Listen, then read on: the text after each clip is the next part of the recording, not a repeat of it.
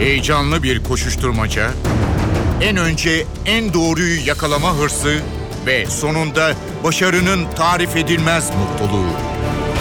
Manşetlerin perde arkası, habercilerin bilinmeyen öyküleri muhabirden de. Muhabirden şimdi başlıyor.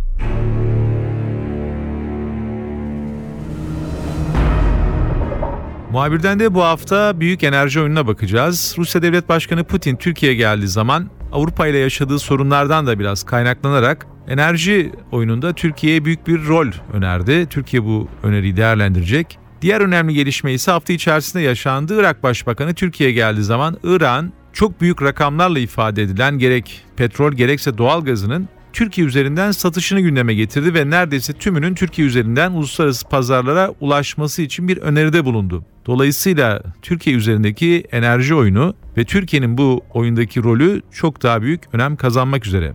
Turkish Daily News gazetesi Ankara temsilcisi Serkan Demirtaş hem dış politik gelişmeleri yakından takip eden bir isim hem de bu enerji konularını iyi bilen bir isim. Serkan bizimle olacak notlarını paylaşacak. Muhabirden başlıyor. Ben Kemal Yurteri.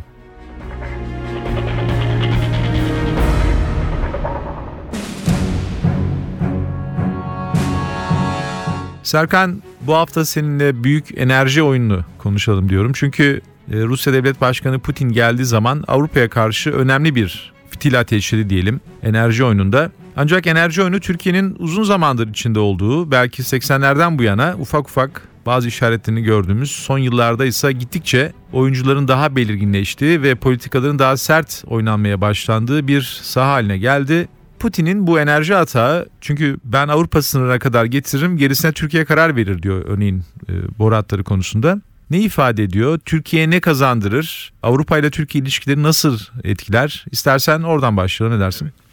E, gerçekten e, tabii 1 e, Aralık'ta e, Putin'in e, Ankara'ya yaptığı ziyaret e, ilk başta böyle ikili bir e, işte Türkiye, Rusya e, yüksek işte stratejik işbirliği kapsamında böyle daha çok ikili boyutta kalacağı zannediliyordu ama e, çok sürpriz bir açıklama yaptı. E, Güney akımın e, artık devam ettirmeyeceklerini, sona erdiğini, onun yerine Türkiye üzerinden e, daha sonra adına Türk akımı denen bir e, boru hattıyla e, yılda 63 milyar metreküp e, doğal gazı Avrupa'ya satmak için böyle yeni bir e, projeyle ortaya çıktı ve gerçekten o andan itibaren e, hem e, Türkiye'de hem Avrupa'da hem bu enerji oyununda yer alan şirketler, ülkeler, e, tüketenler, üretenler, e, bunun işin borsasını yapanlar e, bu yeni projeyi ve bunun nasıl etkileri olacağını tartışmaya başladılar.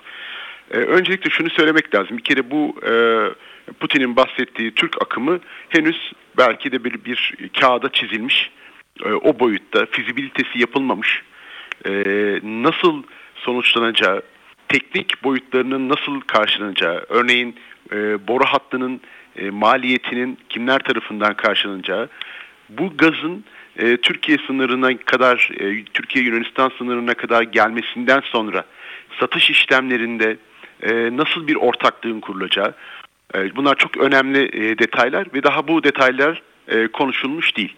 Sadece biz şunu biliyoruz, e, Rusya 63 milyar metreküp gazı getirecek e, Yunanistan'ın sınırına. Oradan da e, almak isteyen daha çok Doğu Avrupa ülkeleri, e, örneğin Macaristan, Slovakya, e, Sırbistan. E, çünkü onların e, gerçekten e, çok e, gaza e, çok büyük ihtiyaçları var. E, tek kaynakları da Rusya. Bu Ukrayna krizinden dolayı e, orada akamete uğradı. E, onların doğalgaz ihtiyaçlarının karşılanmasında sıkıntı yaşanıyor. Dolayısıyla öncelikli olarak bu bölgelerdeki ülkeleri bir dağıtım e, projesi geliştirilecek. E, bu olayın tabii e, Türkiye, Rusya e, ve Yunanistan sınırına kadar getirilen boru hattının bir sadece bir boyutu. E, bunun e, kendi içerisinde e, etkileri açısından hem uluslararası ilişkiler anlamında hem enerji piyasaları anlamında başka etkileri var. Örneğin Türkiye e, 90'ların itibariyle 90'lardan itibaren Sovyetlerin yıkılması e, ve diğer e, Azerbaycan e, gibi ülkelerin e, bağımsızlıklarını kazanmasıyla birlikte e, o ülkelerin e, enerji kaynaklarının dünya pazarlarına taşınması konusunda e, bir siyaset üretti. Dedi ki ben e, bütün bu Orta Doğu, Kafkaslar, e, Rusya dışındaki pazarlardan gelecek doğalgaz ve petrolün e, dünyaya taşınmasında e, terminal rolü oynamak istiyorum. Bir enerji merkezi olmak istiyorum ve buna göre bir politika geliştirdi ve e, Hatta hatırlayacaksın Bakü, Tiflis, Ceyhan e, gibi şu anda artık işleyen ama e, ta kökenleri 93-94 yılında atılan bir projeyle Türkiye bu e, oyuna girdi. E, ardından Bakü, Tiflis, Erzurum doğalgaz hattı geldi. E, zaten işlemekte olan Kerkük Yumurtalık boru hattı var. Daha sonra e, Mavi Akım projesi geldi. Hatta onun bir ara e, Ankara'ya kadar geliyor. Oradan İsrail'e gitmesi gibi projeler vardı. Yani demek istediğim e, bütün bu bölgedeki boru hatlarını e, kendi topraklarından geçirmek isteyen ve bir şekilde bu enerji e, oyununda üreten değil ama taş, taşıyan transit bir ülke olarak rol almak istedi. Dolayısıyla şimdi tartışma şu. Eğer Türkiye bu Türk akımı denen boru hattına izin verirse TANAP başta olmak üzere Azerbaycan'dan gelecek doğalgaz boru hattı olmak üzere ileride Irak'tan çıkıp gelecek doğalgaz olmak üzere bu projelerin önünü kesmiş olur mu? Yani kendi siyasetine bir darbe vurmuş olur mu? diye tartışmalar var. Çünkü sonuç itibariyle e, Avrupa'daki doğalgaz ihtiyacı sınırlı ve bu e, 63 milyar metreküp gibi büyük bir çok gerçekten ölçekli bir e, boru hattı bu. E, örneğin TANAP projesi sadece ilk etapta 16 milyar metreküp e, öngörüyor. Yani onun e, neredeyse 4 katı, 4,5 katı kadar büyüklükte bir projeden bahsediyoruz. Acaba e, bu Türk akımı tek başına o bas, biraz önce bahsettiğimiz bölgelerdeki Orta ve Doğu Avrupa'daki ülkelerin doğalgaz ihtiyacını karşılar da TANAP ve diğer projeler e, akamete mi uğrar tartışması şu anda e, en çok yapılan e, tartışma. Bu konuyla ilgili hem Enerji Bakanlığı hem Dışişleri Bakanlığı bizim önceliğimiz TANAP'tır diye açıklamalar yaptılar. Artı Türkiye ile Rusya arasında Putin'in ziyareti sırasında imzalanan anlaşmanın bir e, mutabakat protokolü olduğu, bir kesin anlaşma olmadığı vurgusunu da yaptılar. E, yani kapıyı tam kapatmayıp böyle e, demek ki bir denklem üzerinde, bir formül üzerinde Türkiye'de kendi pozisyonunu geliştirmeye çalışacak.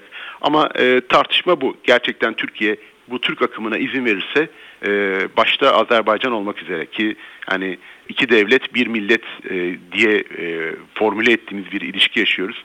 Onun ötesinde Kazakistan ve Türkmenistan ki Türkmenistan yani 3 trilyon e, metreküp gibi dünyanın en büyük doğalgaz e, rezervlerine sahip bir ülke.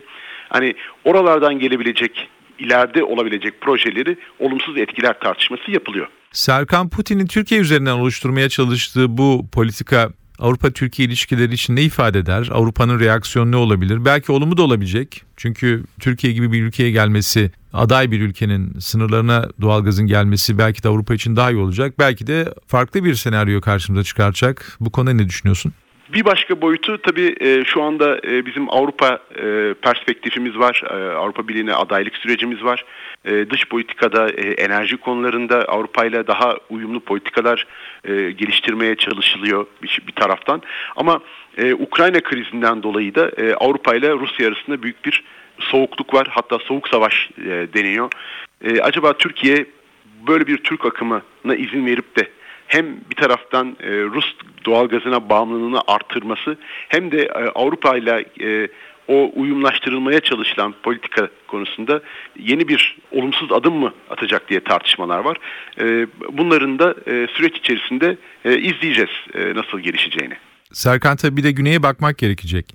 Geçtiğimiz yıllarda biz Irak yönetimiyle hakikaten pek de sıcak ilişkiler yaşamadık. Ancak son Irak Başbakanı'nın gelişiyle ve biraz daha geriye gittiğimiz zaman ilişkilerin normalleşmeye başladığını görüyoruz. Irak Başbakanı belki de kimsenin beklemediği kadar yüksek düzeyde mesajlar verdi. Örneğin bütün enerji koridorunu Türkiye üzerinden yürütmekten söz ediyor. Gerçi bir petrol hattı var ancak bu bazen kesintiye uğrayan bir hat. Ee, önümüzdeki dönemde Irak petrollerinin satışı çok büyük önem kazanacak bir konu gibi duruyor. Çünkü Irak'ın Amerika tarafından işgali sonrasında petrol satışı çok sağlıklı başlayamadı. Irak bütün geleceğini bu petrole bağlamış durumda. Belki de oradaki bu işit veya e, bölgesel bir takım çatışmalar da iç çatışmalar da bu gelir nedeniyle düzelebilir diye düşünülüyor. Büyük bir perspektif koydu ortaya. Bu perspektif Türkiye açısından ne ifade ediyor? Irak-Türkiye ilişkilerini nasıl etkiler? Bu konuda değerlendirmen var mı? Evet yani dün tabii e, yeni Irak Başbakanı'nın e, Ankara ziyareti bence çok çok önemli sonuçlar yaratmış. Bir, bir, yaratan bir ziyaret oldu. Ve dediğin gibi Maliki döneminde bir önceki yönetim döneminde Türkiye ile e, Irak arasındaki köprüler neredeyse tamamen atılmış durumdaydı. Ve e, bu enerji e, ürünlerinin Türkiye üzerinden satış başta olmak üzere e, çok ciddi problemler yaşanıyordu. Çünkü Türkiye Maliki ile e, bir süreç yürütemediği için merkezi hükümeti bypass edip doğrudan Irak'ın kuzeyindeki Kürdistan bölgesel yönetimiyle e, bu petrol e, ticaretine başlamıştı. O da ciddi sorunlar yaratmıştı ama şimdi bu yeni hükümetin kurulmasıyla bu sorunların aşıldığını görüyoruz. Şimdi Irak'ın şöyle bir önemi var. Irak petrol rezervleri olarak tüm dünyadaki rezervlerin neredeyse %10'una sahip bir ülke. Çok büyük bir petrol ülkesi ama bu kaynağını yeterince çıkartıp dünya pazarlarına satıp onun gelirine kavuşamayan bir ülke durumunda. Dolayısıyla süratli bir şekilde ülkenin bir bu IŞİD tehdidinden kurtulması, güvenliğinin sağlanması ve ardında tabii e, yapılacak anlaşmalarla bu petrol ve ileride çıkartılabilecek doğal gazı e, dünya pazarlarına taşınması projeleri var. E, dün e, Haydar e, El Abadi'nin Ankara'da verdiği bu e, sen de altını çizdin. E, bütün kaynaklarımızın Türkiye üzerinden dünya pazarlarına gitmesini istiyoruz demesi o anlamda bir kuvvetli bir siyasi irade mesajı. Bunun üzerine inşa edilebilecek e, çok e, büyük bir alan var. E, zaten Türkiye Petrolleri Anonim Ortaklığı'nın Irak'ta yatırımları var. Geçmişten kalan. E, Türk özel sektörü Irak'ın kuzeyinde özellikle takım e, petrol kuyularını e, işletiyor. Petrol rezervlerini işletiyor. Hatta bu işbirliğinin e, şu anda mevcut Kerkük yumurtalık boru hattı var ama e, dediğin gibi çok eski kapasitesi düşük, e, yenilenmesi gereken bir boru hattı. E, ve özellikle Basra tarafından Irak'ın güneyinden tekrar bütün ülkeyi geçerek Türkiye'ye gelmesi planlanan uzun ve büyük bir boru hattından da bahsediliyor, konuşuluyor. E, bu tür planlar hep masadaydı zaten. E, dolayısıyla yani gerçekten e, dünyadaki petrol e, ve e, enerji denklemini değiştirebilecek bir adım atabilir Türkiye ve Irak bundan sonraki süreçte. Zaten orada dün e, Sayın e, Başbakan e, Ahmet Davutoğlu'nun da yapmış olduğu vurgu önemliydi. Güvenlik, Irak'taki güvenlik tam olarak sağlandıktan sonra Türkiye ile Irak arasındaki enerji başta olmak üzere bütün diğer alanlardaki işbirliği çok daha büyük bir farklılık gösterecek vurgusunu yaptı. Zaten o yüzden de dün bu IŞİD'li mücadele konusunda Türkiye ile Irak yeni nasıl önlemler alabiliriz konusunda ele aldılar. Zaten Türkiye bir takım eğitim desteği veriyor. E, anladığımız kadarıyla e, Irak hükümeti Türkiye'den silah yardımında da istemiş, onu da e, dile getirmiş ve bunun ayrıntıları görüşülecek bundan sonraki süreçte.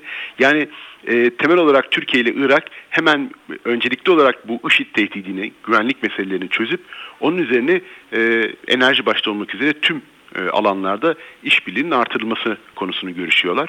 E, örneğin ulaştırma konusu en büyük sıkıntılardan bir tanesi. Bu IŞİD tehdidinden dolayı yani bizim e, bölgeye yaptığımız, karayoluyla yaptığımız çok önemli bir ticaret şeyi var. Akamete uğramış durumda ciddi oranda. Bunlar da yakın vadede çözülmesi gereken meseleler olarak dün ele alındı, konuşuldu. Türkiye-Irak yüksek düzeyli stratejik konsey toplantısında. Anladığımız kadarıyla yeni bir dönem başlıyor Türkiye-Irak ilişkilerinde. E, bunun motoru e, enerji işbirliği olacak. E, ama onun işletilebilmesi için öncelikle güvenliğin sağlanması lazım. Bu konuda da adımlar atıldığını dün gördük Türkiye ve Irak arasında.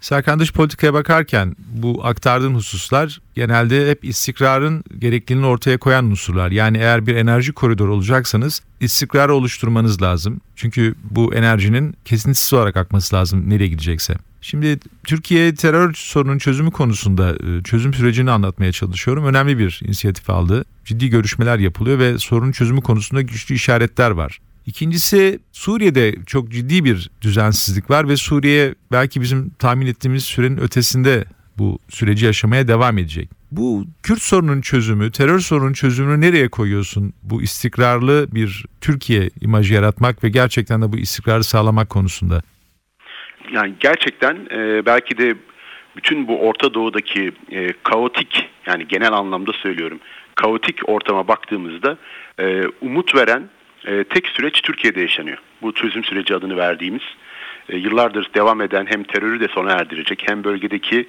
o gerginliği de ortadan kaldıracak e, tek ümit veren proje Türkiye'de işletiliyor. Bunun tabi umut ediyoruz ki kısa vadede bu sonuçlanacak ve Türkiye bu çözüm sürecini tamamlayıp kendi içerisindeki bu meseleyi tamamen çözmüş olacak. Ama tabii e, Orta Doğu'daki artık e, bu gelinen noktada daha girift, daha komplike bir artık tabloyla karşı karşıyayız. Birçok olay birbirine etkiler hale geldi. Örneğin IŞİD'in e, Kobani'ye saldırması bambaşka sinir uçlarına dokundu. Bambaşka fayları harekete geçirdi ve Türkiye'de hatırlayacaksın 6-7 Ekim olayları gibi e, önemli bir süreci yaşamamıza neden oldu. Demek ki yani istikrar ve güvenlik dediğimiz şey aslında bir bütün ve bütün bu Orta Doğu'yu e, etkileyen bir e, bir vaziyete dönüşmüş durumda.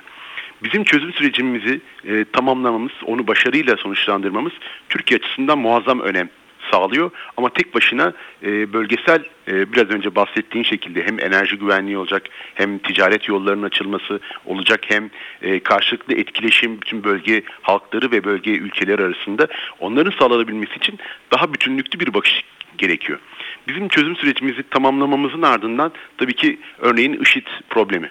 Yani IŞİD problemi Irak'ta, Suriye'de farklı farklı dinamiklerle hareket ediyor ve e, karşımızda e, sanki e, Suriye'nin doğusuyla Irak'ın batısında o e, El Ambar bölgesi tarafında e, kendilerini söyledikleri gibi İslami devlet adı altındaki o toprak parçasını kontrollerini devam ettirdikleri gibi bir durumla karşı karşıyayız. E, daha yeni e, bir e, savaş uçağını düşürdüler. Ürdünlü pilotu rehin aldılar ve onun üzerinden pazarlık yapıyorlar. Demek ki ellerindeki silahlı güç bir savaş uçağını düşürecek kadar gelişmiş durumda. Hani bunlara baktığımız zaman maalesef Orta Doğu'daki bu kaotik ortamın senin de söylediğin gibi kestirilemeyecek bir süre içerisinde devam edeceği gibi bir algı ile karşı karşıyayız. Türkiye'nin böyle bir tabloda çözüm sürecini tamamlayıp başarıyla sonuçlandırması tabii ki elini çok rahatlatacak, kendisini çok daha kuvvetli pozisyona sokacak, daha özgüvenini yerine getirmiş olacak ve dışarıdaki olaylara daha fazla kapalı olacak etkilenme açısından. Şimdi Türkiye'de çözüm süreci iki sene önce bitmiş olsaydı e, IŞİD'in Kobani'ye saldırısını belki 6-7 Ekim gibi bir olayı yaratmayacaktı. E, 50'ye yakın vatandaşımız e, maalesef ölmeyecekti. E, dolayısıyla bizim kendi problemimiz açısından bunu çözmemiz belki bölgedeki ileride olabilecek güvenlik sorunlarından da daha az etkilenmemizi sağlayacaktır. Bu açıdan e, gerçekten üzerinde hassasiyetle durulması gereken ve zaten öyle olduğu da anlaşılıyor. Yani hem e, devlet hem e, şu anda bu müzakereyi sürdüren e, taraflar açısından e, umut ediyoruz ki kısa vadede e, oradan da e, başarılı bir e, sonuç alınacaktır. Serkan notların hem büyük enerji oyununda Türkiye'nin konumunu netleştirdi hem de esasında bazı iç politik gelişmeler gibi gördüğümüz örneğin çözüm süreci gibi çok önemli bir konunun Türkiye'ye sağlayacağı istikrarın hem önemli ticaret gelirleri hem de bu enerji oyunundaki bu enerji oyunu sanıyorum önümüzdeki dönemde bütün dünyanın da katılacağı büyük bir oyuna dönüşecek. Türkiye'ye ne kadar büyük avantajlar sağlayacağını da göstermiş oldu. Notların için çok teşekkürler, kolay gelsin.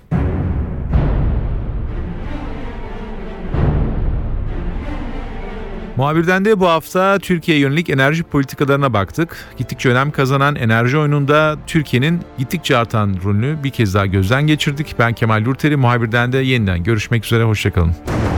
Haber için değil de haberin hikayesi için şimdi onlara kulak verme zamanı. Muhabirden NTV Radyo'da.